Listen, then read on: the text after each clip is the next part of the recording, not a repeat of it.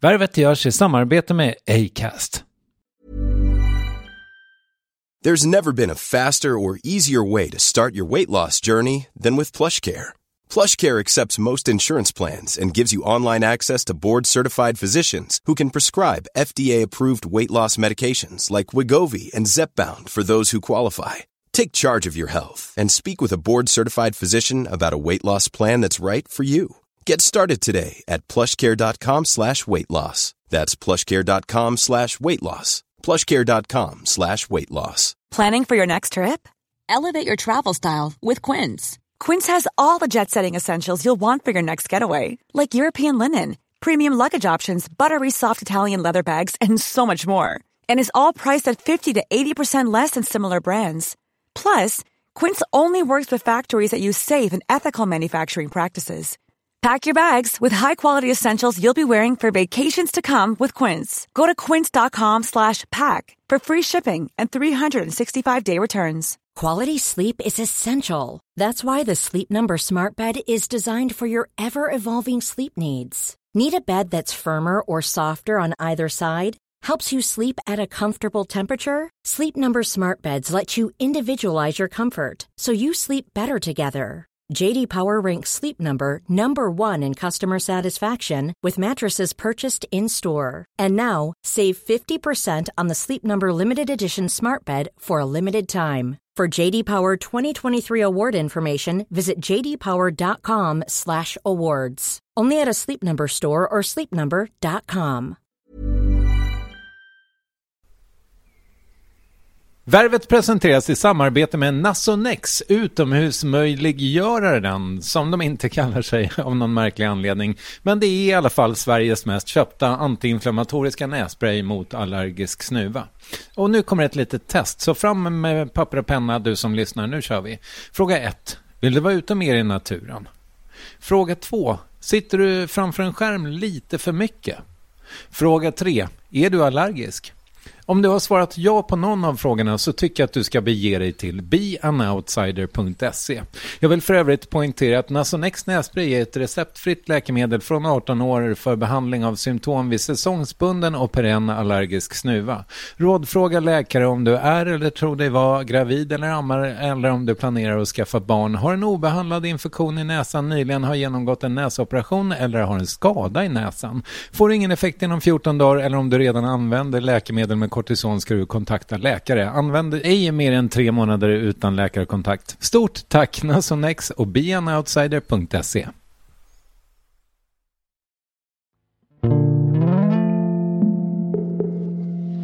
När jag visste att min mamma ska dö så kände skolan liksom, varför ska jag... Det känns så extremt jävla oviktigt. Jag tror jag gjorde min pappa till någon typ av syndabock. Eh, den här oron och rädslan jag kände när mamma gick bort blev liksom att han fick ta den smällen.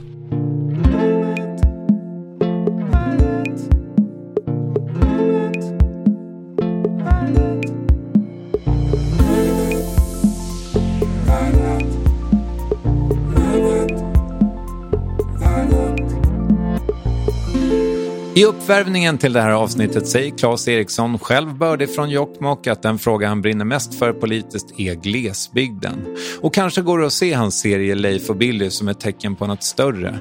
Kultursidorna skriver brinnande artiklar om musikgenren epadunk. Alla, eller i alla fall många, läser böcker som Stöld och straff av Anna-Helén Lestadius och Häng City av Mikael Livesand. Och sjunde säsongen av den stora tv-succén Leif och Billy gick precis i mål. Och allt det här har gemensamt att det är kultur som inte skildrar ett storstadsliv. Just nu snickrar Claes och parhästen Alfred Svensson på nästa stora äventyr och han går i väntans tider för det allra största. Men först Värvet avsnitt 567. Här är Claes Eriksson. Vad kul att vara här. Det här jag måste säga, det Värvet är min första podd. Är det så? Alltså som jag lyssnade på när poddar började. Vad kul. Ja, så det känns jätteroligt. Välkommen. E- Extra välkommen då. Tack snälla. Ja. Även om du till Nemo berättade om alla poddar du lyssnar på, då var fan inte värvet med. Men okej. Ja. Ja. Busted. Ja. Du, eh, har du mediterat idag, Claes? Det har jag faktiskt gjort. Ja, Ja, snyggt. jag kände jag behövde det idag. Jag var, jag var lite nervös för att komma hit. Vilket jag inte brukar bli, men då tänkte jag, då passar det med en liten lugnande meditation. Vad fint att du har håll- hållit i det där. Ja, Eh, För det har varit väldigt eh, fröjdefullt för mig att, researcha dig. Att du liksom, ja men att du, är, att du har den här spirituella sidan. Det, det är inte helt givet för mig att det var det jag skulle möta liksom. nej. Nej, men jag tror nog det. Det är inte många som tänker det. Att jag ska vara en person som tycker om eh, det spirituella. Det är kanske inte det första man tror. Jag tror folk tror att jag är en brölig kar som springer runt och lever om och snusar. det är vad jag tror att folk tänker om mig. Det säger också ganska mycket om min självbild kanske. Men eh, ja, nej men det är något jag sysslar med. Men eh, jag vet ju hur det har gått till eftersom jag har hört intervjuer där du pratar om det. Att du liksom råkade åka på retreat med en kompis under en vit månad och sen liksom på något sätt blev fast i det. Men det här med att du sen blir ansiktet utåt för meditation. Alltså, Ja, det är, är jag verkligen ansiktet utåt. ja men li, li, lite, lite. Ja, kanske. Nej, men jag vet inte. Alltså det, det går så jäkla mycket perioder. Jag har verkligen varit inne liksom i... Jag mediterar väldigt ofta. Men nu kommer jag från en period som har varit lite mer turbulent än vad jag kanske är van. Jag, jag blev nästintill utbränd i september, oktober. Och då har jag fått uppleva någon ny typ av eh, tillvaro. Så att eh, även jag åker dit. Även om jag mediterar och tycker att jag har koll på läget så, så kan det gå lite snett ibland. Hur, vad, vad hände? Hur, hur såg det ut? Här inspelningsperiod. Eh, jag är nog en person som vill ha mycket kontroll och så kanske saker går lite snett och att vi har lite personal och så det blir liksom sena kvällar och tidiga morgnar under alldeles för lång tid. Och när man är ute och spelar in och så kanske inte saker funkar så blir det helt plötsligt att då börjar man själv, när man ska regissera eller skådespela, då står man helt plötsligt och funderar på hur ljuset ser ut eller hur rekvisitan ser ut. Vilket gör att man, eller jag i alla fall, går upp i huvudet och blir liksom, stresssystemet går igång och så börjar jag försöka hålla koll på allt. Och det är inte så sunt, har jag fått inse. Okej. Så, att- och det, var det Leif och Billy ni Ja, då var vi på en Leif och Billy-inspelning. Okej. Mm. Ehm, det, det är, man, man tänker sig att det spelas in väldigt långt härifrån, men det är en timme med bil typ, eller en och en halv. Ja, det är, det är närområdet, kan Ja, man säga. ja. Ja. Det är hemligt. Ja, det är hemligt. Men mest för eh, SVTs historia med att jag tror Morgon och Tobias-huset de spelade in i någon gång kom ut.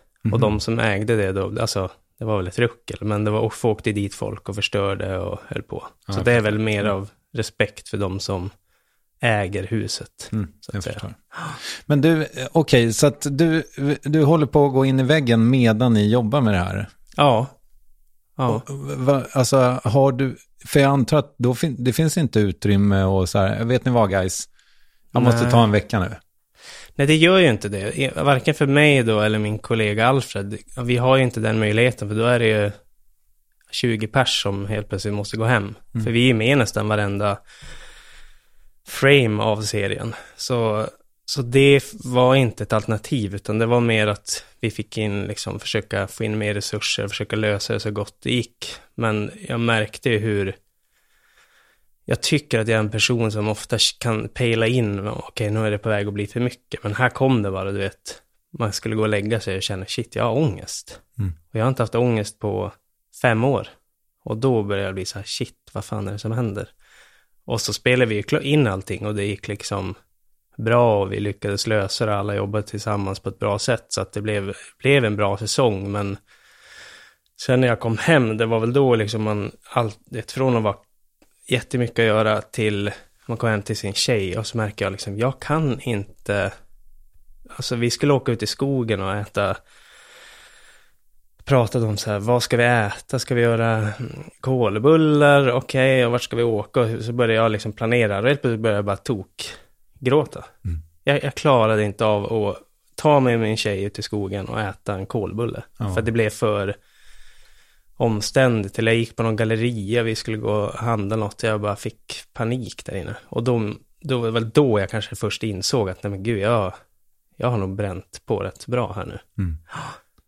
Alltså, hur, har du liksom, fick, tog du hjälp? Fick du, alltså? Jo, men det gjorde jag. Jag gick till en eh, psykolog mm. och eh, eh, sjukskrev mig från de andra projekt jag hade just då. Så att jag bara liksom blåste av allting och så tänkte jag nu gör jag det jag behöver göra mm. för att komma tillbaka. Kan man säga. Men, men var det, alltså hade du massa åtaganden med klippning och skit och?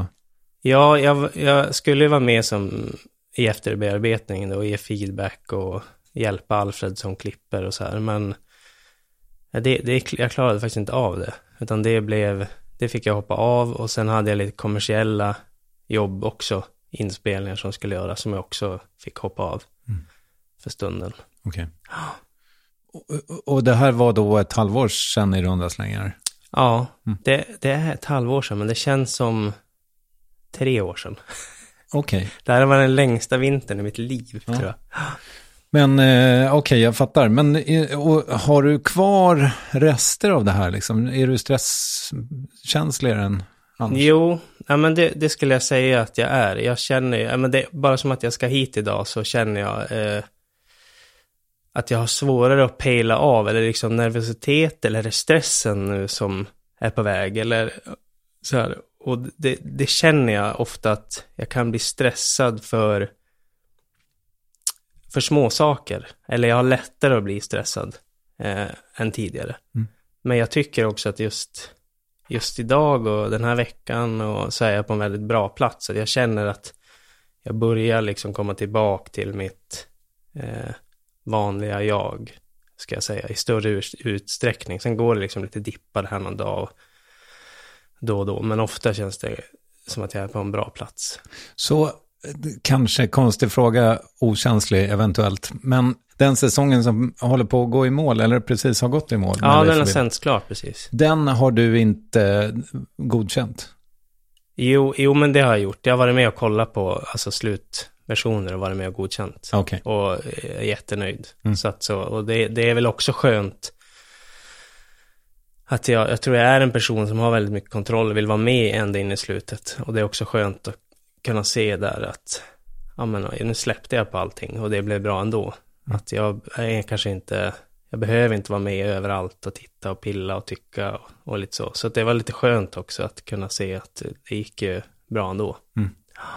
Men eh, jag tänker mig också att om man har varit så här, jag har inte riktigt, jag har väl nosat på vissa symptom av utbrändhet.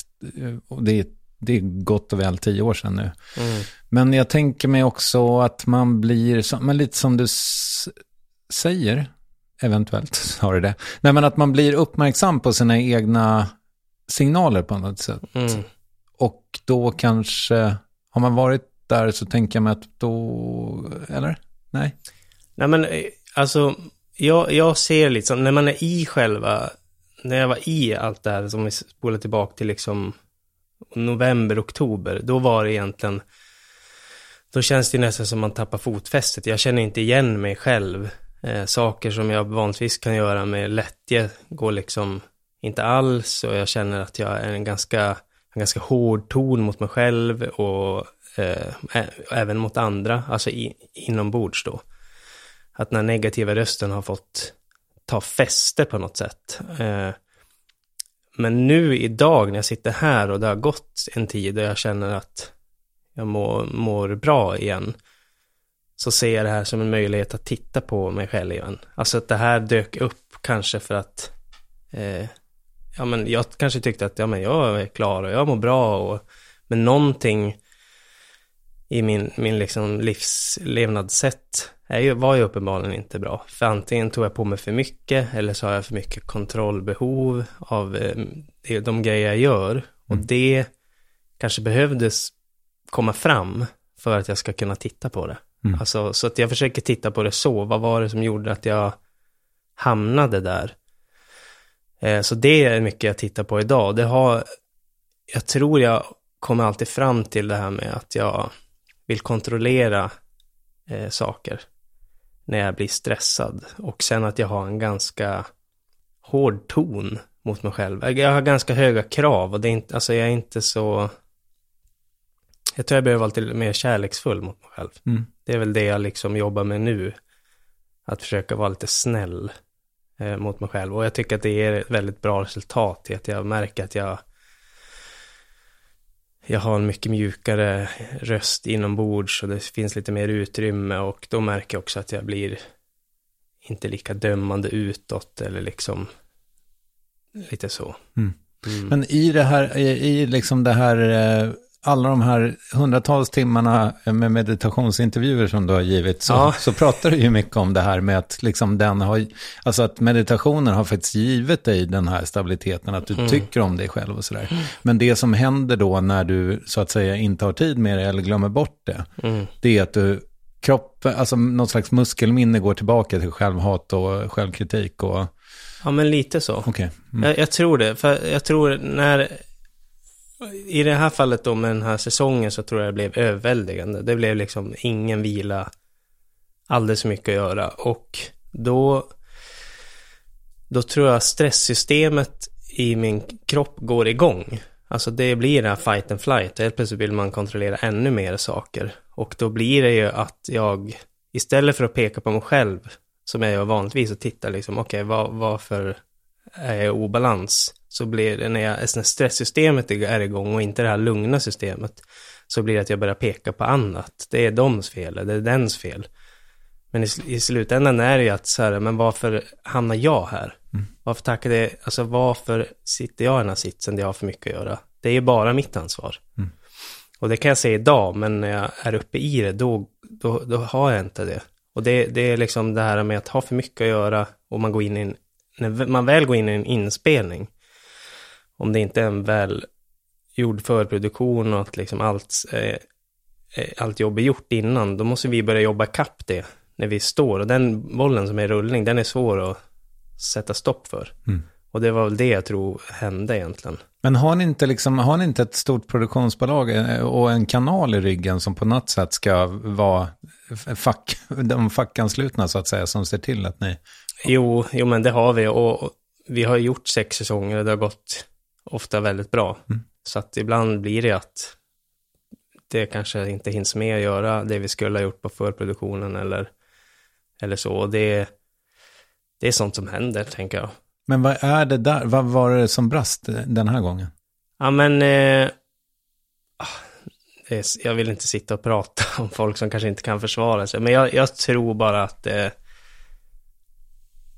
kanske vi fick in eh, personal som inte hade jobbat med den här typen av produktioner förut. Mm. Vi är ju fortfarande en...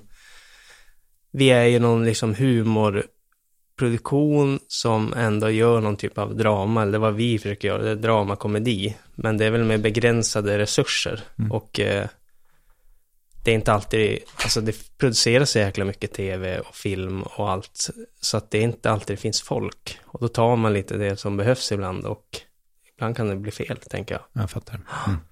Okej. Okay. Men, men eh, liksom rent work-life balance-mässigt i denna stund då? Är det, är, har du det lagom? Ja, men nu är, har jag det väldigt lagom, eh, skulle jag säga. Det känns, eh, och det känns som att jag har hittat hem igen i min kropp. Det, det är liksom lugnt och, och skönt. Och sen väntar jag och min tjej barn. Mm. Vilken sekund som helst. Ja, det är så pass. Ja, och då har det varit väldigt enkelt för mig att inte ha så mycket i schemat. Att jag har bestämt att runt beräknad barnafödsel, då ska inte jag ha någonting att göra. Vilket datum är det då? 20 april okay. är det satt. Mm. Mm.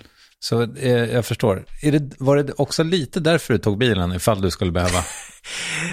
Nej, faktiskt inte, Nej. men det var en bra poäng. Ja. Vi kan säga att det var så, ifall min tjej lyssnade. Det var därför jag tog bilen. Ja. Jag fattar. Ja. Eh, vad, vad kul, men och då tänker jag mig kanske särskilt då, um, jag kan tänka mig att om man då har en rätt så gravid kvinna hemma Mm. har precis kommit hem från en svinintensiv inspelning och liksom tappar konceptet när man ska Mm. göra en kolbulle i skogen så att säga. Det måste vara lite extra jobbigt där och inte kunna vara där för henne kanske. eller? Ja, ja det, och det har ju varit jättejobbigt. Det är kanske den grej som har varit mest jobbigt, att, inte, att jag inte har känt mig tillräcklig där. Att så, nu behöver hon stöd och hon har liksom behov som, eh, där hon kanske behöver en partner som stöttar. Och så har det blivit tvärtom, att hon fick stötta. Mm. Och ta hand om någon som ligger och skakar och gråter för att han ska ut i skogen och en kolbulle. Så att det har nog varit väldigt förvirrande för henne också. Men eh, hon har varit ett sånt fint stöd och eh, hjälpt mig komma tillbaka på rätt plats. Och, och väl verkligen låtit mig få vara i det här. Att liksom det, det är ju, vad man nu ska säga, inte ett normalt tillstånd. Utan det är liksom, man får acceptera och jobba ut efter det. Mm. För att komma tillbaka. Men jag tror också att det vi pratade om tidigare, att den här inspelningen och allting, det är ju en, en sak. Men sen att, vet, jag visste inte att jag skulle bli pappa. Det visste jag ju på inspelningen. Min tjej ringde Facetime och kunde inte hålla sig. Så att jag tror också att på ett omedvetet plan så har det också funnits den här, shit, jag ska bli pappa.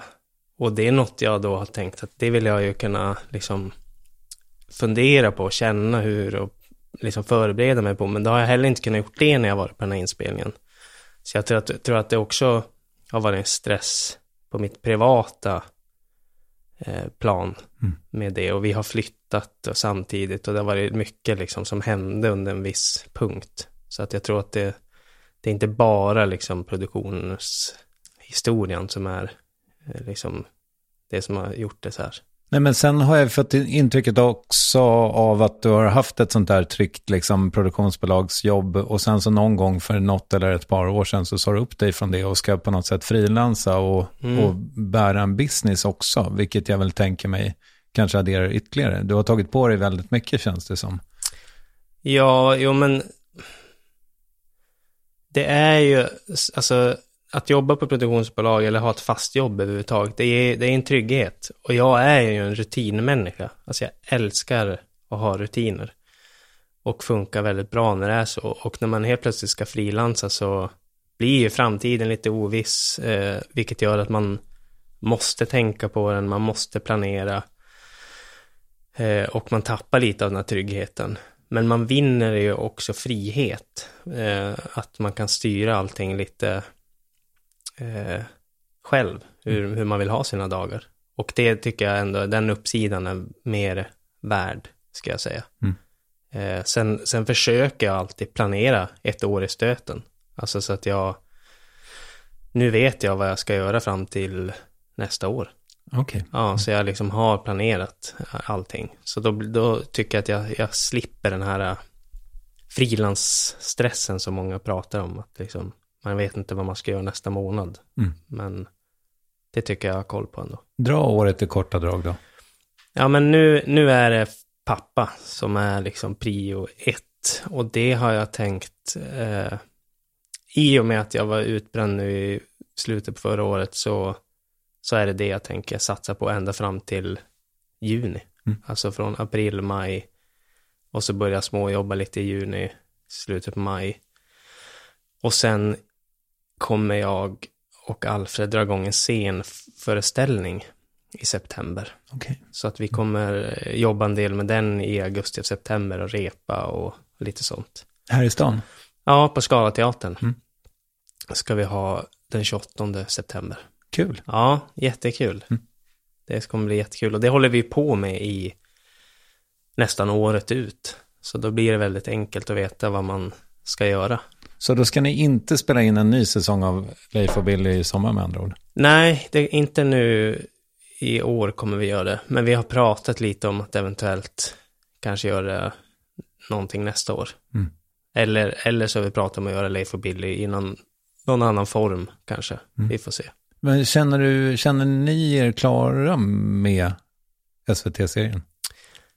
Alltså, nej, jag Alltså hade du frågat mig för ett halvår sedan, då hade jag varit superklar. Men, men jag tycker, man, jag känner hur lite så här kreativitet och inspiration börjar komma tillbaka. Och det märker jag ofta när jag börjar gå ner och skriva ner idéer i telefon igen. Då vet jag att okej, okay, nu börjar det här bli lite kul igen. Mm. Så att jag ska inte säga att vi är klara med det, men jag tror vi båda skulle nog kanske vilja göra något lite annorlunda. Alltså att man gör en vintersäsong, du vet, de kanske åker upp i fjällen eller man, de åker på en resa någonstans. Att vi liksom får lite andra kreativa ramar, tror jag hade varit skönt. Mm. I sådana fall. Mm. Mm. Spännande. Vi, ja. ska, vi ska återkomma till allt detta, eh, eller till mycket av det. Vad är en kolbulle? En kolbulle är, eh, det låter inte så gott. Det är mjöl och vatten. Mm. Som man steker, för, så tar man så här rökt sidfläsk, steker det i en, en eh, liten murrika eller en stekpanna eh, ovan eld. Och i fläsket då häller man i den här smeten som är gjord bara på vatten och mjöl. Mm. Och så lingonsylt på det sen. Eh, som ett slags primitiv ugnspannkaka? Eller ja, ja, men det är väl det. Jag, och jag tror historien bakom den här kolbullen är att rallare som levde liksom ute hela tiden, eh, de behövde ju äta något som inte liksom blev dåligt. Så därför är det inga ägg eller mejeriprodukter i. Så mm. man kunde ha med sig bara mjöl och så sidfläsket är ju liksom rökt och saltat. Mm. Så det höll sig. Just det, och då får man sältan därifrån. Ja, och det är, alltså det är svingott. Ja, vad härligt.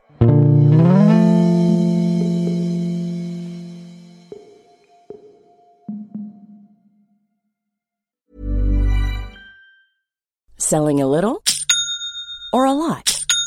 Shopify helps you do your thing however you cha-ching. Shopify is the global commerce platform that helps you sell at every stage of your business. From the launch your online shop stage to the first real life store stage, all the way to the did we just hit a million orders stage. Shopify is there to help you grow. Shopify helps you turn browsers into buyers with the internet's best converting checkout. 36% better on average compared to other leading commerce platforms because businesses that grow grow with Shopify. Get a $1 per month trial period at shopify.com/work. shopify.com/work. Quality sleep is essential. That's why the Sleep Number Smart Bed is designed for your ever-evolving sleep needs. Need a bed that's firmer or softer on either side? Helps you sleep at a comfortable temperature? Sleep Number smart beds let you individualize your comfort so you sleep better together. JD Power ranks Sleep Number number 1 in customer satisfaction with mattresses purchased in-store. And now, save 50% on the Sleep Number limited edition smart bed for a limited time. For JD Power 2023 award information, visit jdpower.com/awards. Only at a Sleep Number store or sleepnumber.com.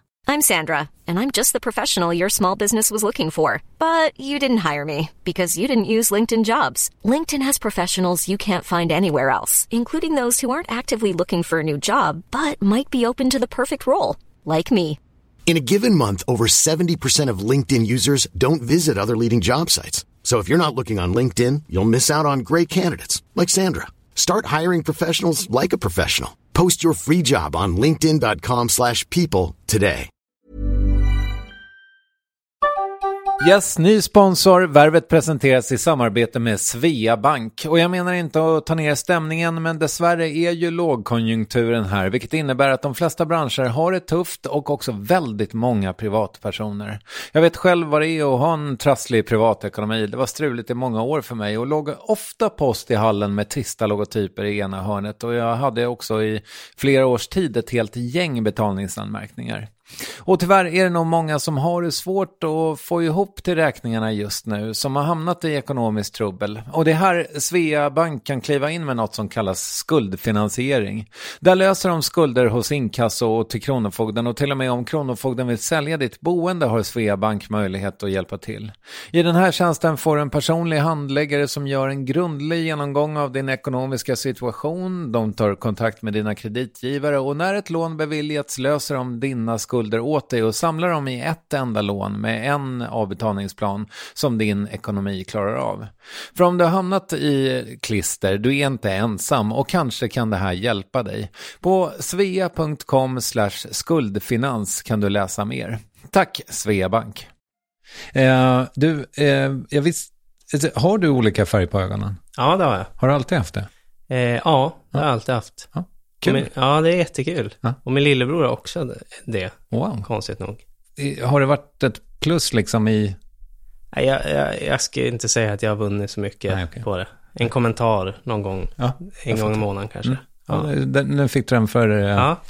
Ja. vi säger april månad då. ja, härligt. Ehm, men du, jo, eh, vi var lite på det här som jag tycker är spännande, att, att du, eh, att vara ansiktet utåt för meditation, även om du är tveksam till att du är det. Men jag kan inte komma på någon som jag tycker är mer top of mind, är för mig så. just nu. Men är du inne själv i den här... äh, Mediterar du och så? Jag, jag var, jag Ja. gick en, jag gick en TM-kurs. Ja. ehm, för alla, jag var mycket i LA på den tiden och då var, du måste prova TM, Ja. sa de. Och eh, transcendental meditation.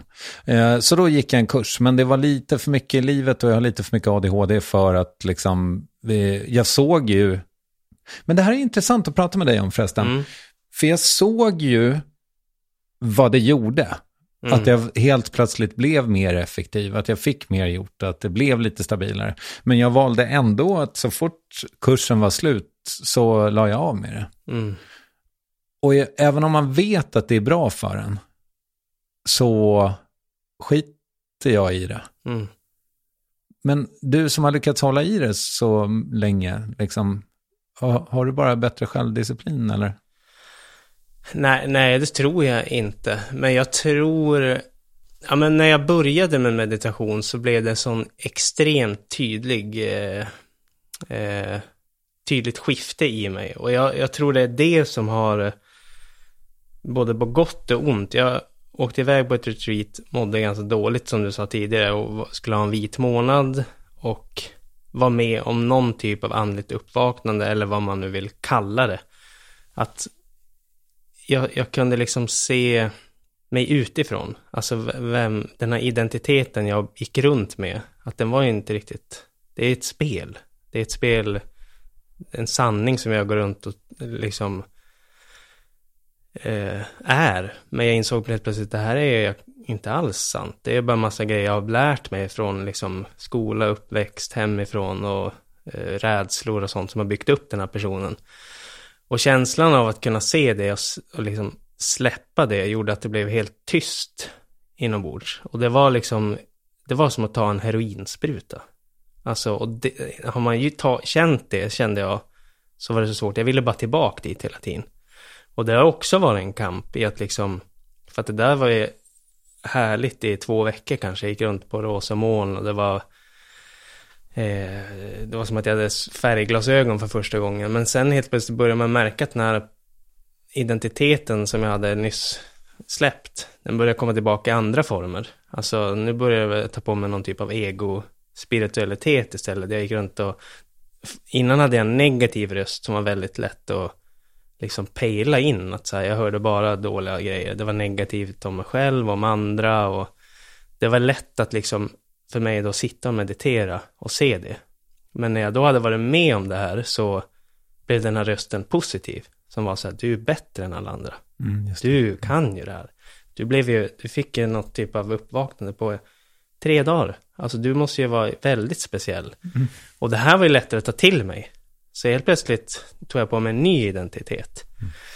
Och jag tror att Som ansiktet utåt för meditation. Ja, precis. Nej, men och det, det har väl liksom varit, det insåg jag att så här, men det här är heller inte sant riktigt. Och jag tror att den här känslan i grunden av att gå från det här supernegativa till att liksom känna någon typ av lugn och sinnesfrid gjorde att jag, jag vill fortsätta med det. Och sen är det ju ingen quick fix, har jag fått liksom erfara på sikt. Att meditation är ju inte så här, man går och sätter sig och sen, åh, nu mår jag bra, så går jag iväg. Utan det kanske, om jag mediterar varje dag så kanske om två månader ser jag något i en situation där jag ser att nu kommer det upp någonting i mig där jag vill agera eller reagera på ett visst sätt. Men jag, jag ser reaktionen innan jag agerar. Mm. Så att belöningen kan, är liksom ganska seg, ska jag säga. Mm. Det är liksom inget quick fix. Men det finns ju en del av mig som tänker att, eh, fast jag vet också att det är sant, det här är självbedrägeri tror jag, men som tänker att alla mina flås, vad det nu heter, mina defekter eller liksom de saker hos mig själv som jag ogillar minst, eller som jag gillar minst.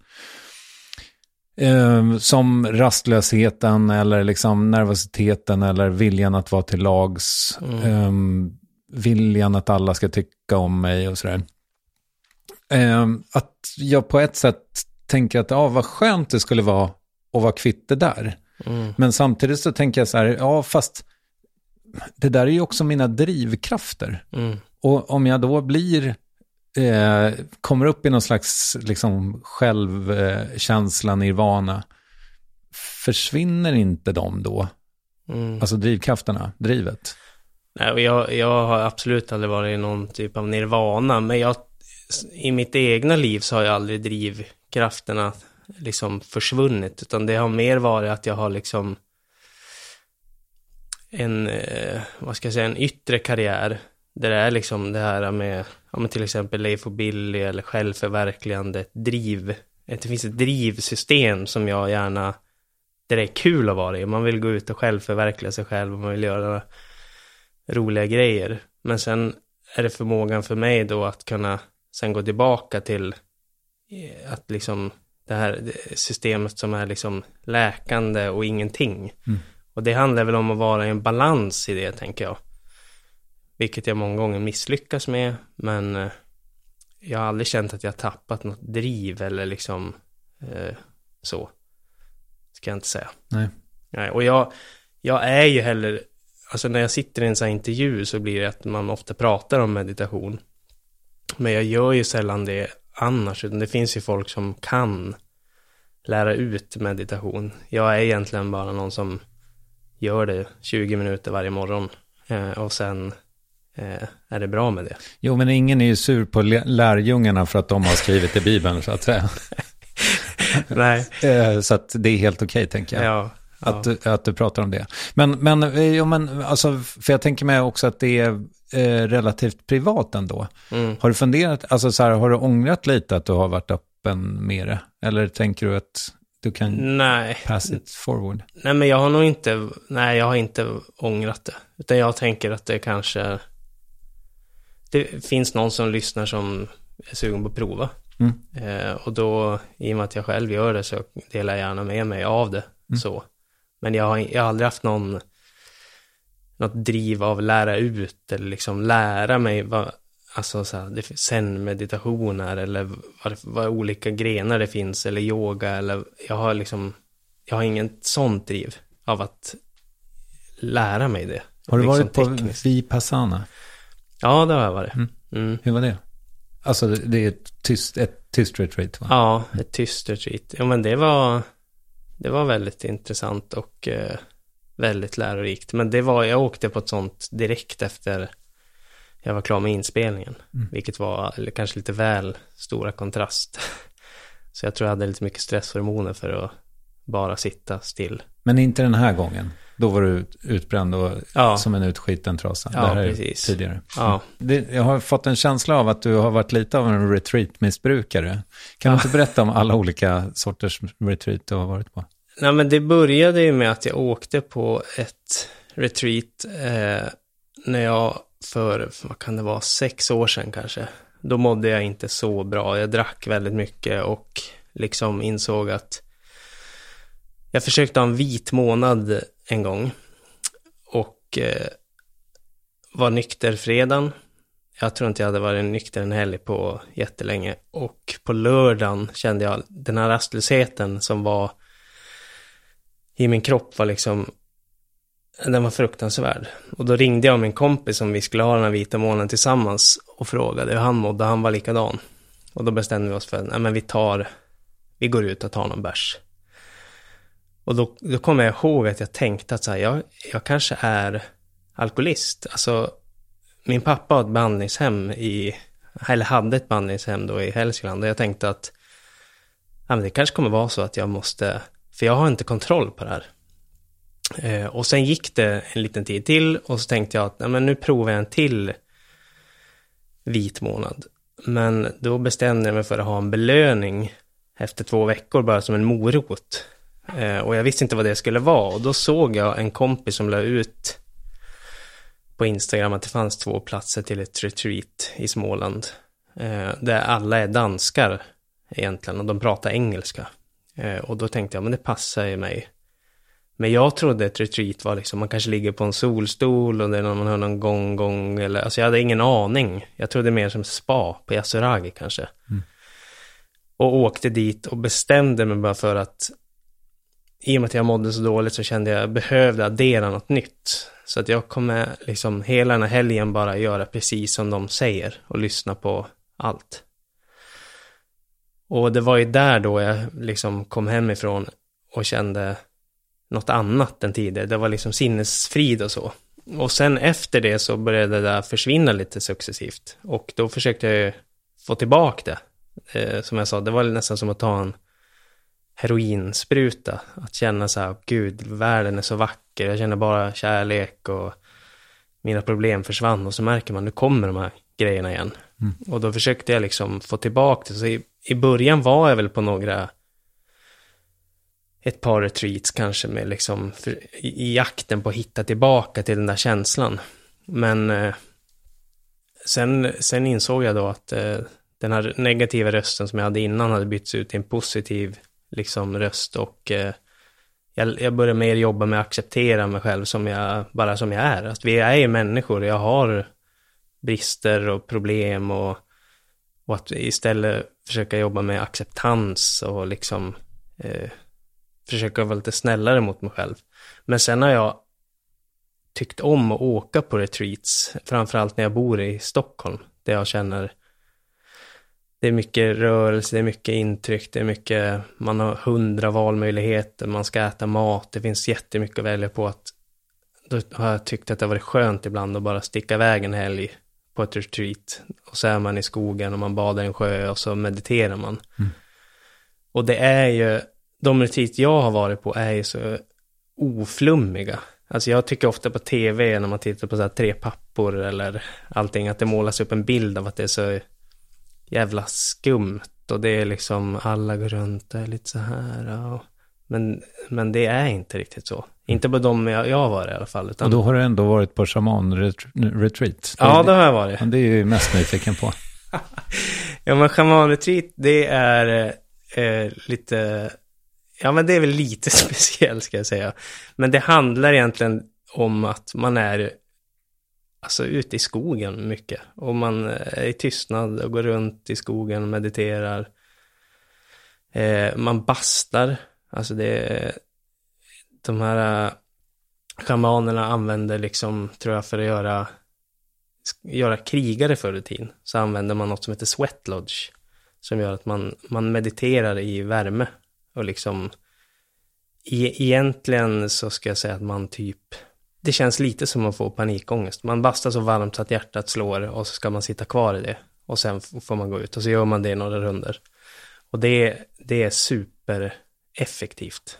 Mm. Alltså, det är, jag, jag älskar sådana retreats. Ja, fan vad mysigt det låter. Ja. Men, eh, eh, så, och vad gör själva shamanen så att säga?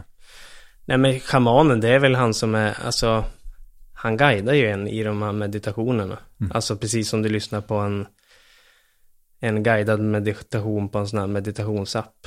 Det handlar om titta på andetaget och fokusera på andningen, känn kroppen, kontakt med liksom underlaget. Mm. Det är egentligen det, det han gör, guidar en genom en, ett retreat. Mm. Så. Och sen blir det lite eh, vegankost på det? Ja, nej faktiskt inte. Äh? Utan han, han är jägare också, så man äter mat som han ofta har skjutit själv. Men gud, det här låter härligt. Ja. ja. Men du, eh, jag släpper meditationsspåret lite. Ja. Vi får se ifall vi kommer tillbaka till det. Men min producent sa att det var svårt att, att hitta en tid med dig, för du sitter tydligen och skriver nu. Mm. Vad sitter du och skriver på? Jo, men det är den här scenshowen eh, som vi ska ha i höst, mm. som vi har sett jag skriver på. Så det har liksom varit, vi har, en, vi är tre stycken som skriver och eh, en av dem som skriver som heter Björn ska gå på pappaledighet. Så därför har vi varit tvungna att liksom bli klar till ett visst datum. Okej. Mm. Så det är därför jag har varit upptagen med, med skriveri. Jag förstår. Och är det, är det du och Alfred eller är det Leif och Billy? Eh, det är Leif och Billy. Mm. Mm. Okej. Eh, på scen. Och sen så kanske den, om det blir, går bra så kanske den åker ut på vägarna eller? Ja, men förhoppningsvis så vill vi väl att det ska bli liksom en liten turné eller så. Mm. Men vi kör på skala och får testa lite. Ingen av oss har ju stått på scen eh, förut. Så det kan vara en bra plats och liksom mysig teater. Eh, och och vara på och testa för första gången, tänker vi. Jättefin scen tycker jag. Ja, underbar. Ehm, men eh, hur är det där då att, eh, för du har väl gjort det relativt mycket nu att skriva manus? Eller Ja. ni? Tycker du om den delen av det? Ja, men det gör jag. Jag tycker manus, manusskrivandet är bland det roligaste. Förutom att vara på inspelning och liksom spela eller regissera så är manusbiten väldigt, väldigt kul, Mm. ska jag säga. Går det lätt för er? Ja, men det går ganska lätt. Eh, sen är det ju att vi, jag har i princip bara skrivit Leif och Billy-grejer. Och det, det, liksom, det blir väldigt enkelt då när man kan karaktärerna och man kan universat att liksom hitta på nya grejer så är det ganska enkelt. Men eh, eh, skriva något för någon annan eller något annat har jag aldrig testat. Men folk, folk säger ju ofta att humor är liksom det svåraste att, att, att skriva och skådespela och sådär. Ja. Men du, ja, har du inte gjort något annat så vet du i och för sig inget annat. Men, men eh, hur, hur vet du att det blir roligt? Är det att ni garvar när ni skriver? Nej, alltså jag vet faktiskt inte. Det, jag, ja, jag vet inte. Man, det är väl att jag tycker själv inte att det är så kul heller. Utan det är väl mer att man har någon känsla för vad det här är kanske blir kul. Och sen tror jag också att jag är ju heller ingen, alltså jag skriver inte skämt, skrivna skämt. Det har liksom aldrig varit min grej. Eller jag tycker inte att det är så kul heller när jag tittar på någon serie där det bara är alla karaktärer säger skrivna skämt, för då känner jag att men så där pratar ju ingen. Jag tror inte på universat, så att jag tror att humorn som vi har i Leif och Billy handlar ju mycket om situationer. Alltså att de hamnar i pinsamma eh, situationer, så det är väldigt karaktärsdrivet och situationsdrivet, eh, vilket jag tycker, det tycker jag är roligare att titta på och eh, även att skriva, det har jag lättare för, att liksom sätta karaktärerna i en jobbig situation eller i en utmaning som de ska lösa eller så. Så att det, jag ty, vi skriver inte så mycket skämt i, i serien egentligen. Att de skämtar så mycket. Men eh, över tid då, liksom, för nu gjorde ni precis er sjunde säsong. Mm, sjunde säsongen. Ta och skjut då för fan! Ja, jag ser. Die, little moose, Men du missar ju. Skjut det för fan. Skjut för fan. Tyst. Men vad fan, du missar ju. Skjut på magen bara. Sikta på den. Jäklar. Vad fan? Fan, det var en snabb jäkel det där. Alltså, det måste ha varit någon jävla sprinterälg eller något. Har sättet ni jobbar fram serien på, har det förändrats över tid? Jo, men det har det, har det absolut gjort. I början så hade vi ingen aning om vad vi höll på med och eh, då tror jag man jobbade Ja, men man hade ingen struktur i liksom, vi satte oss och spånade, vi kunde sitta och spåna i tre veckor och det hände ingenting. För vi, och sen gjorde vi en säsong och så tittade vi på den efteråt och kände, vad fan, det här var inget bra. Men att vi direkt satte oss och bara skrev ner till SVT hur vi kan göra det annorlunda. Och sen har väl formen växt fram eftersom vi har tagit in andra manusförfattare som liksom har varit med och spåna och nu på slutet också skrivit med oss. Och då har det väl blivit att vi gör det mer enligt som man gör. Alltså vi, vi möts ett gäng och så sitter vi och spånar och plottar upp alla avsnitt och liksom placerar plottarna i, tills vi hittar ett roligt avsnitt. Sen sätter vi oss och skriver på, på varsitt håll. Så att det har förändrats väldigt mycket och att det går mer på liksom rutin och struktur än tidigare där man satt och bara gnugga sig i pannan och man var så orolig och kände att så här, det här är, vi måste få det här bra annars är det sista chansen nu lite så här. Så Mm. nu är det lite mer avslappnat ska jag säga. Och man har lite koll på hur, hur vi ska göra det när vi gör Leif och Bill i alla fall. Men eh, är det många liksom, alltså är det många som är med och tycker till eller har ni ganska fria tyglar? Ja, men jag skulle säga att vi har, vi har väldigt fria tyglar. De enda som säger till är väl SVT egentligen. Eh, som har åsikter ibland. Men det är ganska högt i tak ska jag säga ändå. Alltså vi har aldrig haft eh, något problem med liksom att vi inte får göra vissa saker och så. Utan det har, jag tycker det har gått väldigt, väldigt bra. Alltså det är aldrig någon som har liksom, nej men det här måste ni klippa om det för, vad det nu kan vara, sexistiskt, kontroversiellt. Nej, nej, alltså inte, det, det är klart det ibland kan det hända, men ofta är vi då på samma, vi tycker lite samma. Alltså, vi har ju Mats på SVT som har varit med från början och han har varit en väldigt bra tillgång till att liksom, han är också den som har låtit oss utvecklas och fått göra det liksom. Men han har alltid varit en bra tillgång med vad vi ska göra och inte göra. Så att vi har tänkt ganska lika hela vägen ska jag säga. Men var det inte så att, i alla fall i början, så, var, så tappade ni nästan på att ni blev en SVT-serie, liksom, alltså Ja. från i jämförelse med YouTube? Ja, ja, verkligen. Alltså vi, och det är väl ganska normalt tror jag. Alltså på YouTube har, hade, har man ju liksom de här videorna som ligger och tickar på väldigt mycket tittare. Och när, man, när vi gick över på SVT så Både att jag tror att vi hade utmaningen med att skriva längre, från liksom tre minuter, fem minuter till 15 minuter med någon lång båge. Så blir det att det, jag tror att det var lite svårare att liksom skapa Alltså överföra humorn som var på YouTube till SVT, det var lite trixigt. Så att det har, har ju förändrats en del, ska jag säga. Och vi tappar en del tittare då. Men sen har det liksom byggts upp igen med att, eh, ja men vi har utvecklats. Så jag tror att folk också har varit med på den vägen. Alltså att jag, den bilden har jag i alla fall, att folk som följer oss eller tittar på Leif och Billy har liksom följt med på resan och sett utvecklingen och tyckte det var lite kul med det också. Alltså för både jag och Alfred är ju liksom, vi kommer ju inte från den här branschen utan vi är ju liksom, jag är gammal målare, han jobbade på en lampfabrik och så har det liksom blivit YouTube och sen SVT och så har det liksom fått växa lite organiskt. Eh, vilk, vet du vilka er publik är? Ja, men det är... Alltså vi har en väldigt bred publik eh, som jag har förstått det.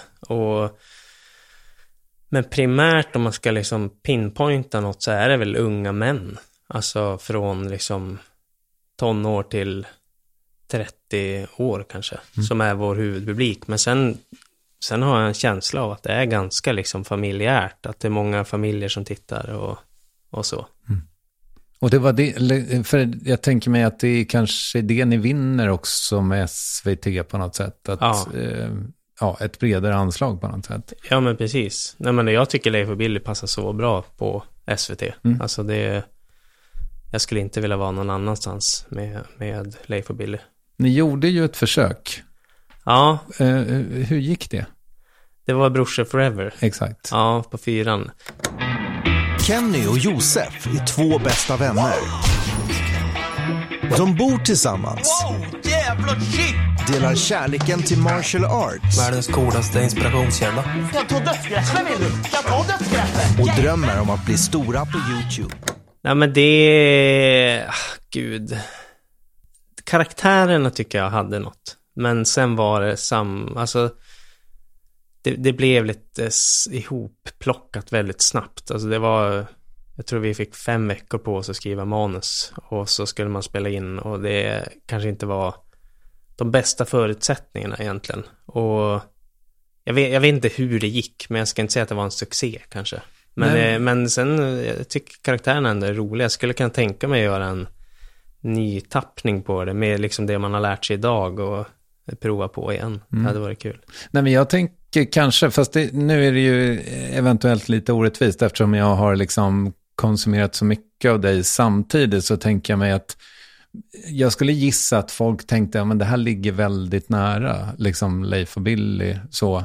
Mm. Och alltså i alla fall liksom uppläggsmässigt hur, alltså det är ju också en sitcom kan man väl säga. Ja, det kan man göra. Nej men och det blir också, jag och Alfred spelar två bästa polare. Mm. Men, men det blir väldigt lika dynamik, alltså på något sätt. Eh, och det, ja men, det ska jag säga är en ganska rätt analys, Mm. att det finns likheter. Men eh, nu frågade jag precis dig om, om er publik. Tänker du någonsin på det? Nej. Nej, jag gör nog inte det. Inte så ofta. Mer i början skulle jag säga att man var, mer eh, nervös eller alltså det, det fanns en rädsla i att liksom det här måste tas emot väl för att då kom jag liksom från att ha jobbat som målare till att börja jobba med tv och då kände jag väl någon typ av press i att så här, det här är min chans och jag måste liksom ta vara på den. Och då tänkte man, jag nog väldigt mycket på liksom hur folk tar emot det och hur det är och så vidare. Men sen med tiden så har man väl, ja man har väl blivit liksom exponerad mycket och man tänker, eller jag tänker inte på det lika mycket längre. Mm. Nej, men jag, jag har också en käpphäst. Vana värvet-lyssnare får ha överseende. Men jag brukar säga att målgrupp är svenskans fulaste ord. För det känns som att när du börjar tänka för mycket på det Mm. så förlorar man sig på något sätt i... Alltså jag tänker mig, om man har sig själv som målgrupp Mm. så blir det ganska bra tror jag.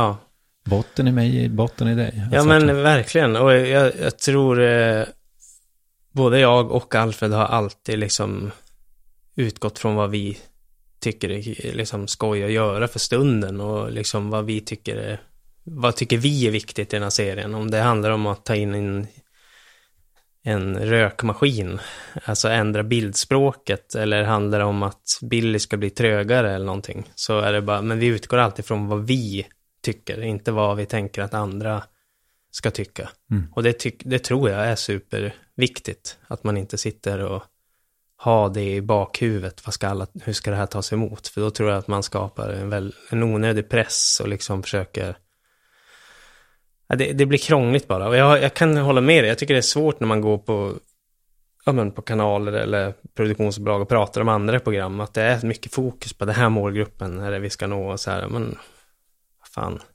det, är, det blir smalt på något vis. Men jag tänker mig att gör du kvalitet så kommer det att hitta sin publik förr Mm. eller senare. Mm. Ja, jag vet inte vad jag ska säga, men, men jag, jag, håller, jag håller med dig om att man, man måste, ju- eller jag, när jag jobbade med Alfred så utgår vi alltid från vad vi tycker är kul och hur det blir bäst. Eh, och jag, ibland upplever jag när man går på pitchar eller möten och ska sälja in grejer eller någonting att det är ett annat fokus. Alltså att det handlar om värdeord eller det handlar om vilken målgrupp eller där, fast, och så börjar man pilla i det här som är grundidén. Ofta kommer liksom, det som jag tror är, liksom har varit så bra med Leif och Billy är att vi har haft tonen. Man har, man har liksom en, jag kan uppleva ibland att jag har en, en känsla och en ton i kroppen och när man skriver eller spelar någonting så slår man an i den. Och att är den rätt så då funkar det. Och det kan jag uppleva ibland när man går på andra möten, att man liksom har den här tonen med sig och sen börjar man peta in, man går upp i huvudet och så börjar man addera värdeord, det här ska vara med och så blir det helt plötsligt något annat. Och då kan jag känna att idén försvinner på vägen. Att det blir helt plötsligt från att den som har idén i huvudet, eller i kroppen, har en bild och en vision och så går man iväg och så helt plötsligt är det en kanal och sen ett produktionsbolag och alla möjliga olika människor pillar i det där. Och helt plötsligt är avsändaren 15 pers. Och man vet inte vem, vem äger det här nu. Nej, visst. Mm. Och det kan bli lite rörigt. Och det tror jag har varit liksom uspen med Leif och Billy, att vi har fått jobba utifrån oss hela tiden. Vad vi, vi vill göra och vad vi tycker är kul. Och vi har alltid jobbat med liksom, vi har alltid haft så himla kul. Jag och Alfred och alla liksom som har jobbat med, med Leif och Billy. Och det tror jag är superviktigt. Eh, Att man har liksom skoj när man gör det. Är du och Alfred någonsin osams? Nej. Väldigt, väldigt sällan. Ja, men sällan är ju mer än aldrig. Ja, nej men vi har aldrig alltså bråkat eller varit liksom osams. Nej, det har jag aldrig varit. Oense? Tyckte olika? Oense kan vi vara, men det, det är ofta någon minut bara. Alltså, och då kan vi vara lite så här, vi svär lite och sen går vi in i olika rum. Och så sen efter tio minuter då, ja men nu kör vi på det här. Mm. Så har vi bestämt oss för något. Men vi... Är det alltid du som får bestämma? Ja, nej, det är det inte. Men ofta är det jag som... Jag tror Alfred är lite mer flexibel i sitt psyke än vad jag är. Okej. Jag är mer liksom, ska vara på ett visst sätt. Och det, det är väl därför vi är så himla bra kompisar. Att vi liksom kan jobba så bra ihop under så lång tid. Det är att Alfred är ofta voice of reason. Han är lite mer lugn och liksom stöttar och tar, är bra liksom på slussa mina idéer ibland. Mm, och det är det som jag tror att Alfred är mer flexibel i liksom att, ja men vi köper det där, det funkar, medan jag inte är det. Utan jag är mer driv, drivande och så här, försöker få allting framåt, eh, ska jag säga. Och han, han är bra på att säga, nej men det där ska vi inte göra. Ah, okej, okej. Mm. Då gör vi inte det. Jag fattar. Förlåt, eh, Ninni som klipper, eh, om jag ställer till det för dig. Men jag har en tapp, borttappad eh, följdfråga lite grann. För vi pratade lite grann om det här, om att du, eh, när du skriver och sådär, eller tittar på det du gör, att du inte liksom tycker att det blir så roligt så. Mm. Och jag hittade ett, en tidig intervju med dig innan det här egentligen kanske har dragit igång. Ehm, när du säger att du, liksom, du hatar att se dig själv. Ja. Är det så fortfarande? Du måste ju vara van, tänker jag. Eh, Jo, men jag har ju, alltså jag är, alltså det är återigen det här med att jag är väldigt kritisk mot det jag gör. Mm. Alltså, och jag vill alltid förbättra. Alltså så, när vi är liksom i efterbearbetningen och vi har gjort, och håller på att slutställa en säsong, då är jag redan i liksom och skriver vad som blev fel. Mm. Och det där är det här drivsystemet i mig, att liksom jag vill hela tiden utveckla. Och liksom, sen, sen såklart så har jag en kritisk röst i mig som jag tycker att det är värdelöst många gånger. Alltså mitt skådespel kan jag sitta, jag kan knappt se mig själv, för jag tycker att det är ett jävla haveri. Och det, det jobbar jag ju på, att framförallt bli en bättre skådespelare. Alltså så. Hur, hur jobbar du på det?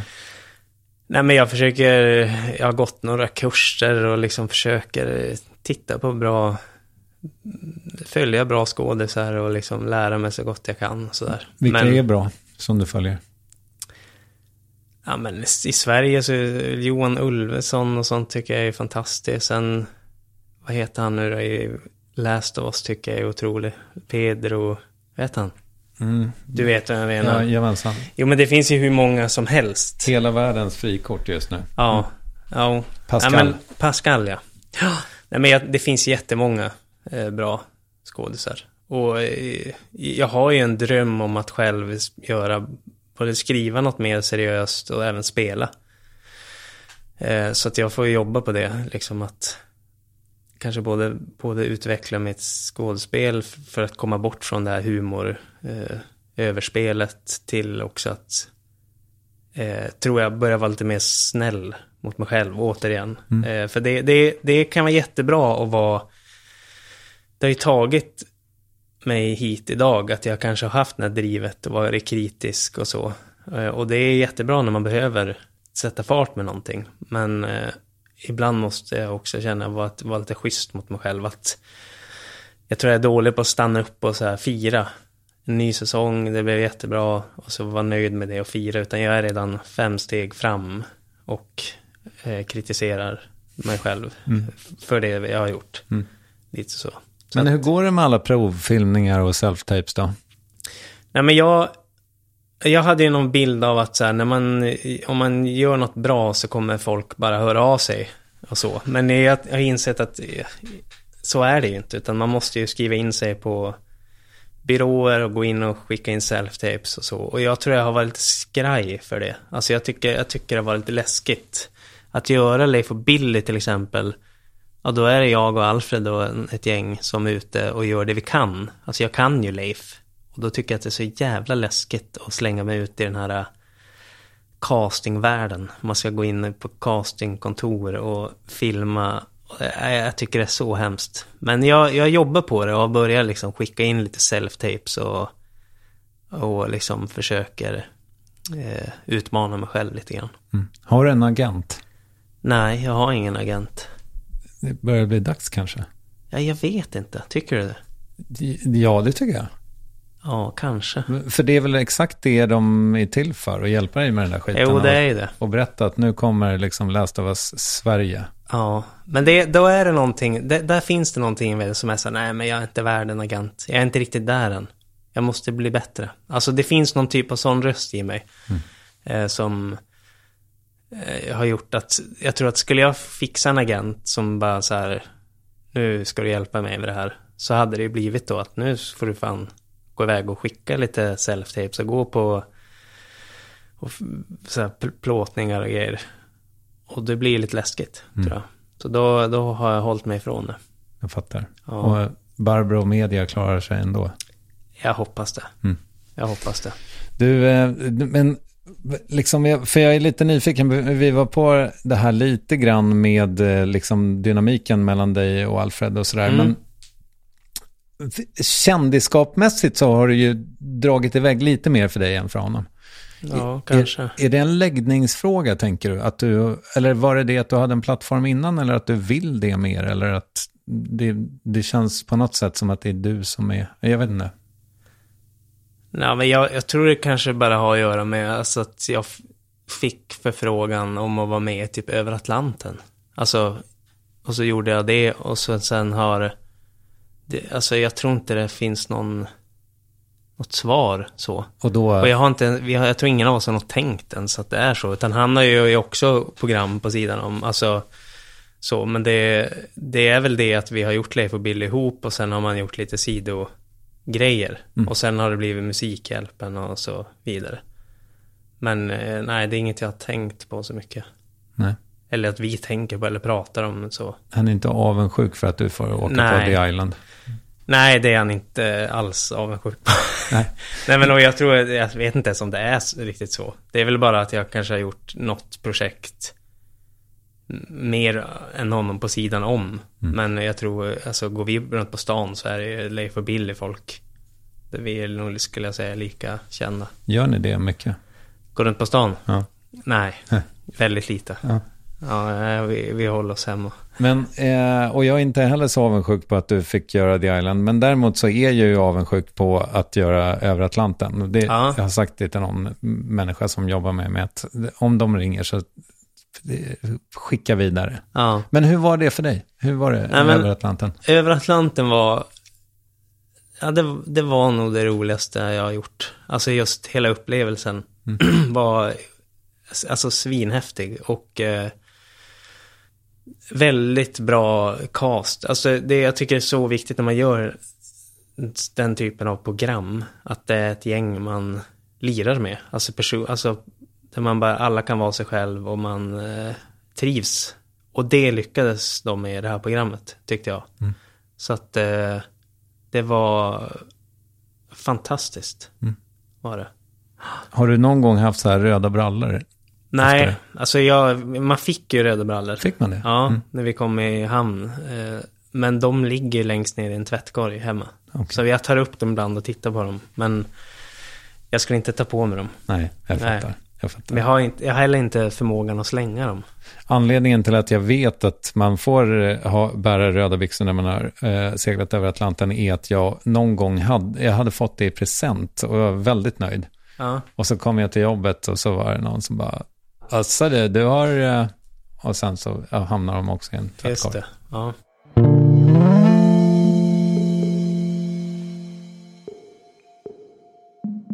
Du, nu blir det lite som att kronologin går baklänges, men du nämnde det här så att jag vill gärna fråga om det. Det här med att du då står, du har flyttat till Stockholm, bor i någon inneboende hos någon i Liljeholmen eller vad det är, och går och målar på dagarna. Och sen att eller, liksom våga ta steget till att hoppa av det. Hur, hur var det för dig och när, hur såg det ut? Nej men, eh, jag jobbade ju som målare och höll på, hade liksom börjat med YouTube. Eh, och det var när internet började bli så att man kunde lägga ut grejer på Instagram och YouTube. Och jag hade väl tänkt ändå att så här, det här kanske går att göra någonting. Alltså, jag lyssnade på poddar, ibland hörde man kanske Alex och Sigge eller någon, eller någon prata om någon de hade sett på nätet. Och då tänkte jag så här, men det kanske, om man gör lite roliga grejer, så kanske någon snappar upp det någon gång och så kan det leda till någonting. Men det var ju liksom en liten, ja, en naiv dröm om att det skulle ske. Mm. Men när jag då började med, på YouTube så... Är det, är det liksom, är det YouTube efter Vine eller kommer Vine sen? Nej, Vine är först. Mm. Så det var där det liksom började, att jag la ut korta, korta klipp. Och, men där fanns det liksom ingen ekonomi på Vine. Det fanns inte att man gjorde samarbeten eller någonting. Och då var det, det var en kille som hörde av sig till mig som kände någon på ett av de här YouTube-nätverken som fanns förr. Som hette United Screens. Finns inte det längre? Jo, det, de heter de har bytt namn och... Men de, de är liksom inte lika aktiva idag. Så då, det de gjorde då är att de samlade in fullt med YouTubers. Och så sålde de reklam på deras kanaler.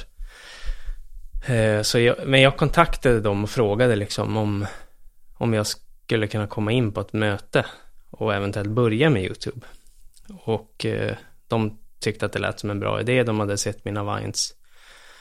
Och jag kommer ihåg att när jag skulle in på det här mötet att jag var så nervös. Jag tänkte att nu, här avgörs mitt, min karriär. Är det måleriet eller är det liksom den här nya världen med internet? Hade och, du sådana här vita byxor på dig då som målare har? Nej, men jag tror faktiskt jag bytte om i bilen till Ja. något mer anständigt. Mm. Men jag var så nervös, eller jag var så nervös eh, så att jag kom ihåg att jag gick in på en bar bredvid kontoret och så tog jag en fireball och en öl.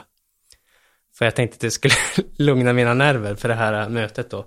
Så med idag, när jag tittar tillbaka på det här mötet idag insåg jag att vad fan var jag nervös för? Men då var det verkligen så här, det var på, på liv eller död, det är nu eller aldrig. Det är nu det gäller att lukta alkohol. Ja, ja eller hur? Men, eh, nej, men så gick jag in där och så tyckte de att ja, men det är klart ska jag börja med YouTube. Eh, så då hade de liksom som krav då att jag skulle göra ett, ett klipp i veckan varje torsdag. Och jag jobbade ju som målare, så jag jobbade och så kom jag hem klockan fem och så sprang jag ut med en kompis och så filmade vi något. Jag, så vi visste inte, vi bara filmade någonting och så la vi ut det. Och efter ett tag så kände väl jag att här, det fick mycket visningar och folk tyckte det var kul. Men jag kände lite så här, det här kommer inte gå, men jag ska jobba och samtidigt göra det här. Och så då hörde jag av med dem och tack, sa liksom, men jag tror jag kommer hoppa av. Jag kan inte hålla på med det här, båda, båda grejerna. Det tar lite för mycket tid. Och då erbjöd de sig faktiskt att, eh, då frågade de mig om jag, vad jag skulle säga om de betalade min målarlön. Om jag kunde börja med YouTube på heltid. Mm. Och då blev det liksom, wow, fan, nu kan jag kanske göra det här på riktigt. Så då sa jag upp eh, eh, mig från målarfirman och började med, med eh, YouTube då. Mm. På heltid. Eh, Sägas bör väl också att du, du hatade att jobba som målare? eller? Ja, nej men jag gjorde, ja det gjorde jag. Alltså det var, ja jag, jag tyckte inte det var kul. Alltså man är dammig, sliter på kroppen, man går upp svintidigt, går hem och plingar på hos någon och ska in och liksom, Och så har de aldrig röjt tillräckligt. nej, om man ska damma ner hela deras hus och det är, alltså det är väldigt otacksamt jobb många gånger. Folk vill ha hantverkare som gör fint, men de vill helst inte att man är där.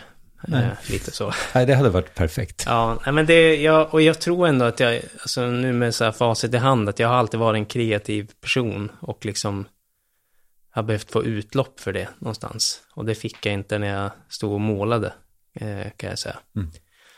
Men eh, ja, och det blev då att jag började med YouTube och så sen träffade jag Alfred, eh, för han jobbade på det här eh, YouTube-bolaget då och kom hem till mig och skulle filma. Och då blev det väl att vi filmade ibland det vi skulle göra, men mest så gick vi ut och drack bärs och höll på med massa annat. Filmade så här sketcher på Instagram och höll på. Och vi klickade ganska snabbt. Mm.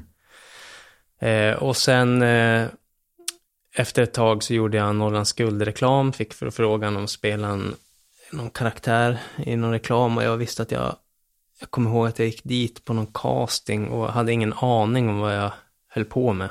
Det var fruktansvärt. Visste du vad en casting var? Nej. Nej. Nej, och jag gick in på det här och alltså, jag var så nervös och läppen darrade och jag, men jag gjorde det jag skulle och jag tänkte det här kommer jag aldrig jag få.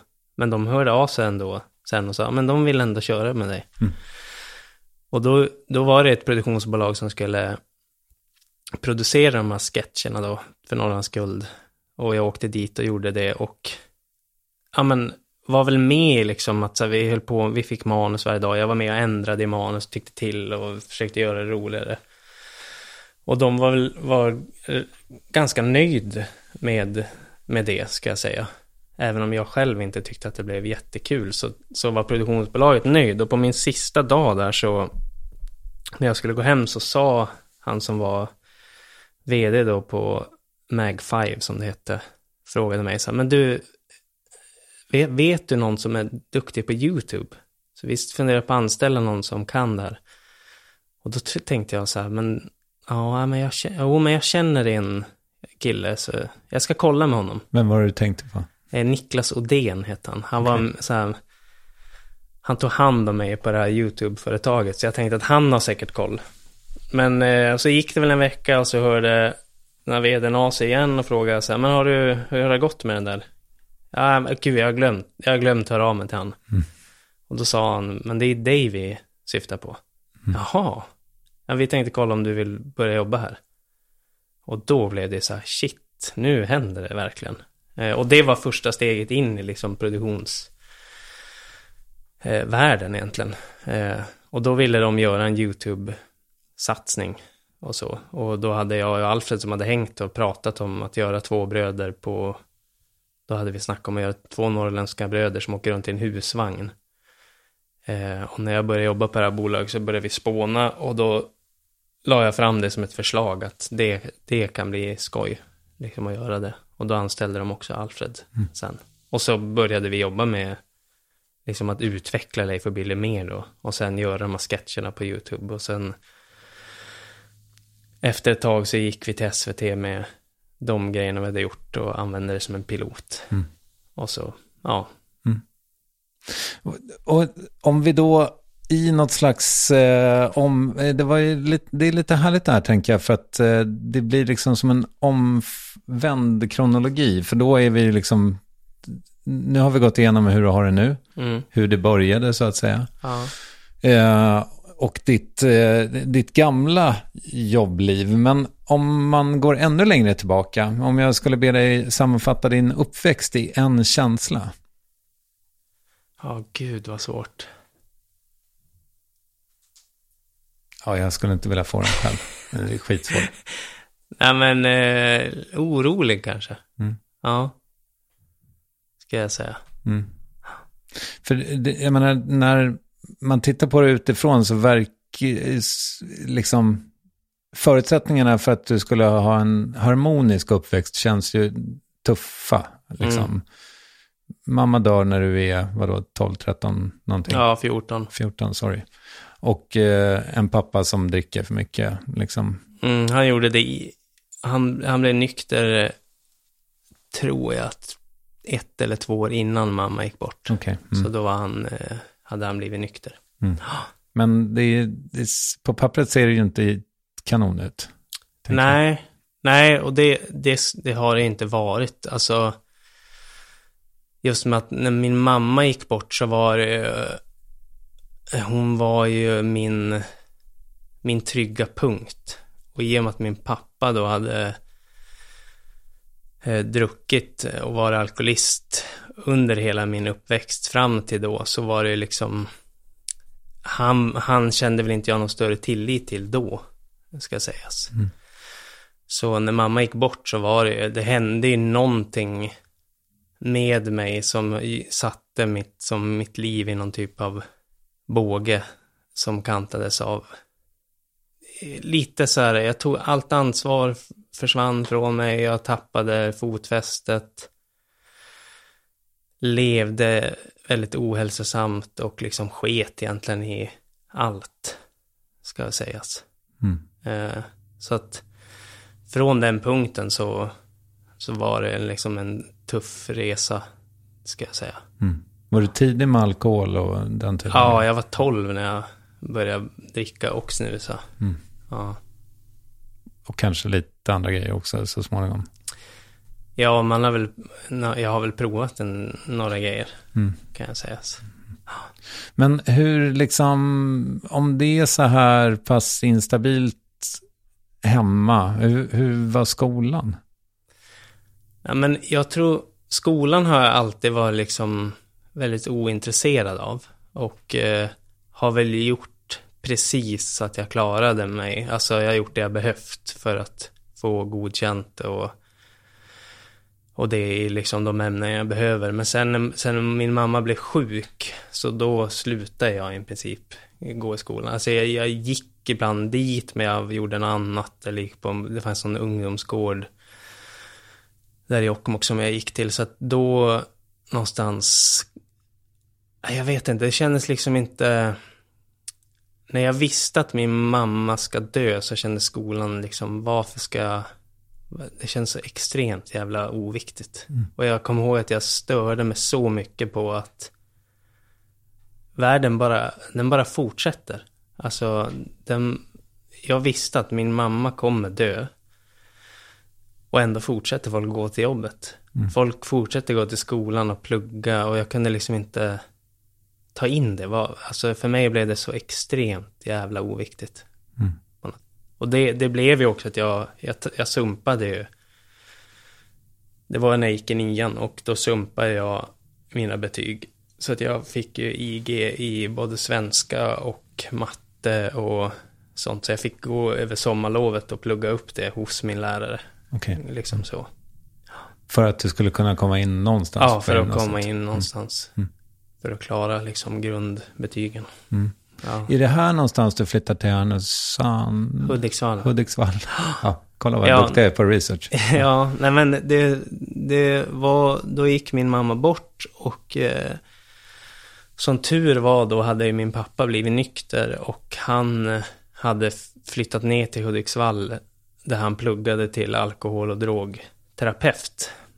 Så när mamma gick bort så var ju tanken att vi skulle flytta ner till honom då. Men jag hade ju liksom jag tror jag gjorde min pappa till någon typ av syndabock.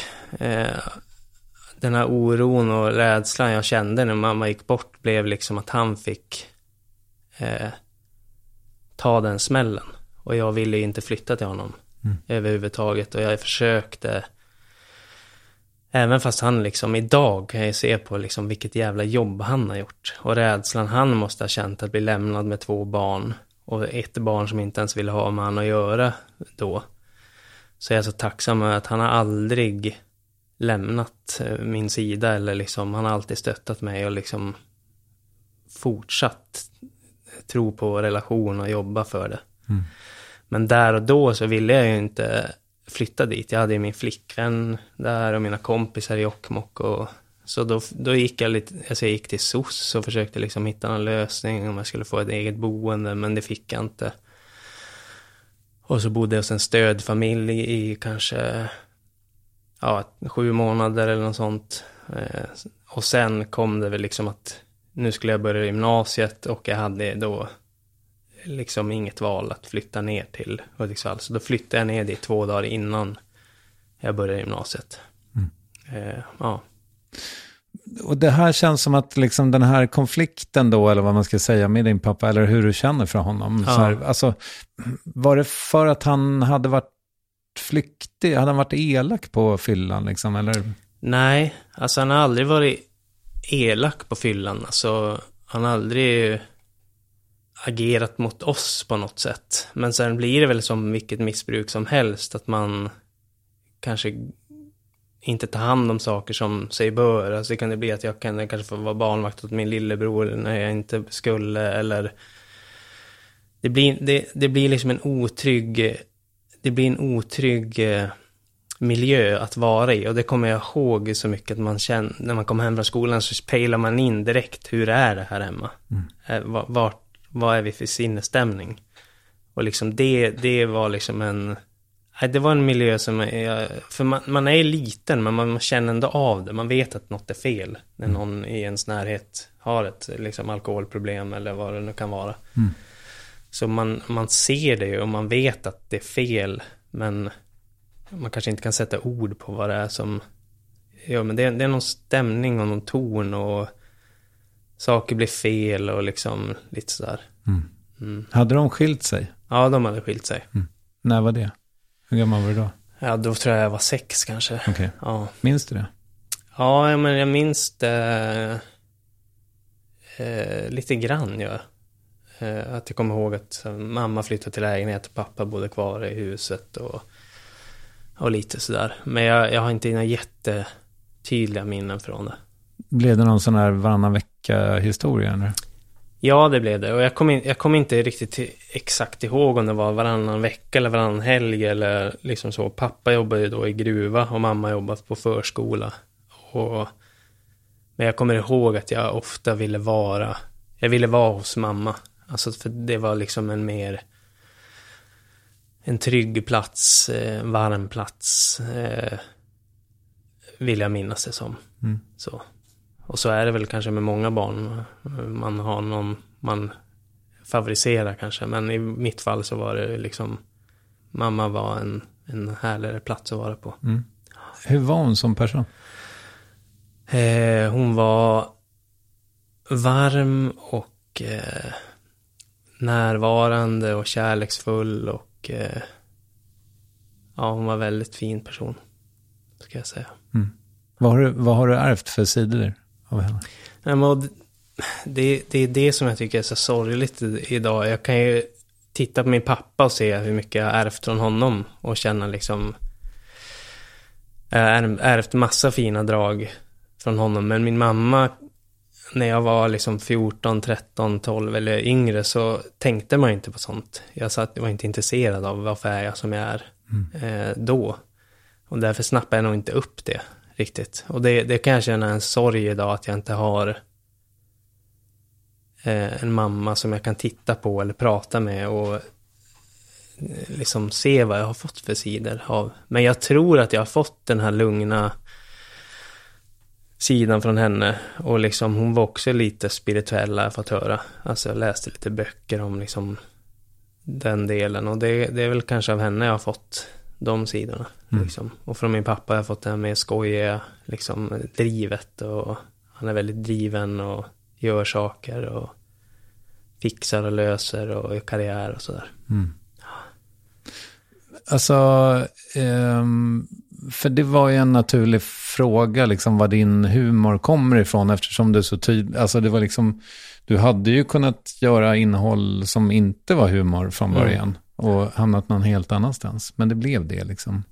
Ja, men det blev det. Och det, det har nog alltid varit att jag har hållit på att skoja hemma eller i skolan och så här. Och min pappa är också, han är, han är otroligt rolig. Eh, fast han inte, han, vet, han gör sig inte till, han bara är en rolig person. Okej. Eh, så jag tror jag har fått mycket av humorn från honom, Mm. eh, ska jag säga. Och vad blev det av dina syskon? Ja men det är eh, väldigt fina personer. Eh, jag älskar dem eh, av hela mitt hjärta. Men vi är väldigt olika. Alltså ingen av oss är lik varandra. Är de kvar uppe i Norrland? Ja men vi, vi är utspridda. Så jag har två som bor uppe i Norrland. Och så har jag två syskon som bor i Hälsingland. Okej, Ja. mm. jag fattar. Du, har du, har du saker att se fram emot? Ja, jag ska ju bli pappa. Ja. Det är något jag ser fram emot jättemycket. Med viss bävan eller har du koll på läget? Nej men det, jag tycker jag har koll på läget. Jag försöker att inte liksom eh, ha någon förväntning eller sådär. Utan jag tänker att det får bli som det blir. Men det är klart man, jag är lite nojig. Alltså jag har ju levt, jag har aldrig bott med någon i, tidigare. Alltså någon tjej. Och nu bor jag med min flickvän och vi ska helt plötsligt få in en till person som ingen vet vem det är än.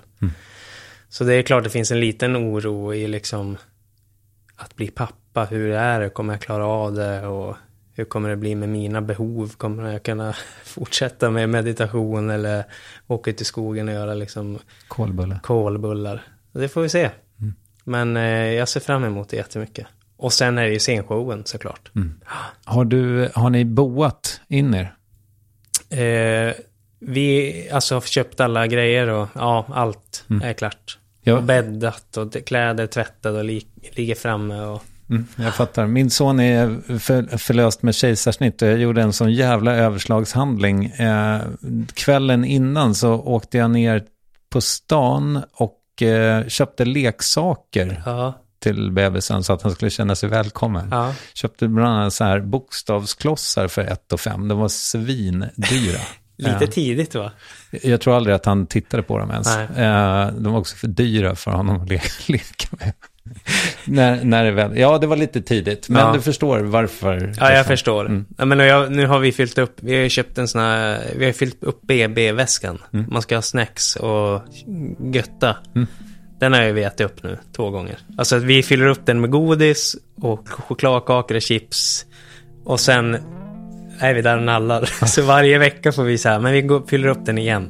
Så nu i helgen ska jag fylla upp BB-väskan för tredje gången. Mm, du får gå till daglivs. Ja, Du, eh, stort tack för att du kom hit. Fan vad fint det var att träffa dig. tack så mycket för att jag fick komma, Kristoffer.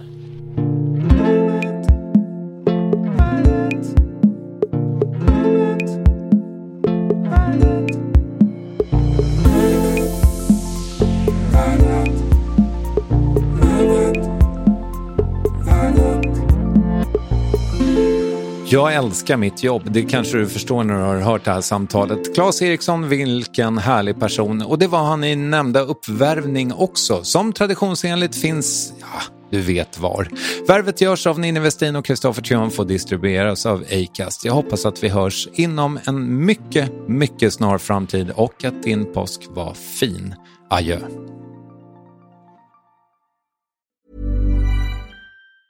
Hi, I'm Daniel, founder of Pretty Litter. Did you know cats tend to hide symptoms of sickness and pain? I learned this the hard way after losing my cat, Gingy. So I created Pretty Litter, a health monitoring litter that helps detect early signs of illness by changing colors, saving you money and potentially your cat's life. Pretty Litter is veterinarian developed, and it's the easiest way to keep tabs on your fur baby's health right at home. Go to prettylitter.com and use code ACAST for 20% off your first order and a free cat toy. Terms and conditions apply. See site for details.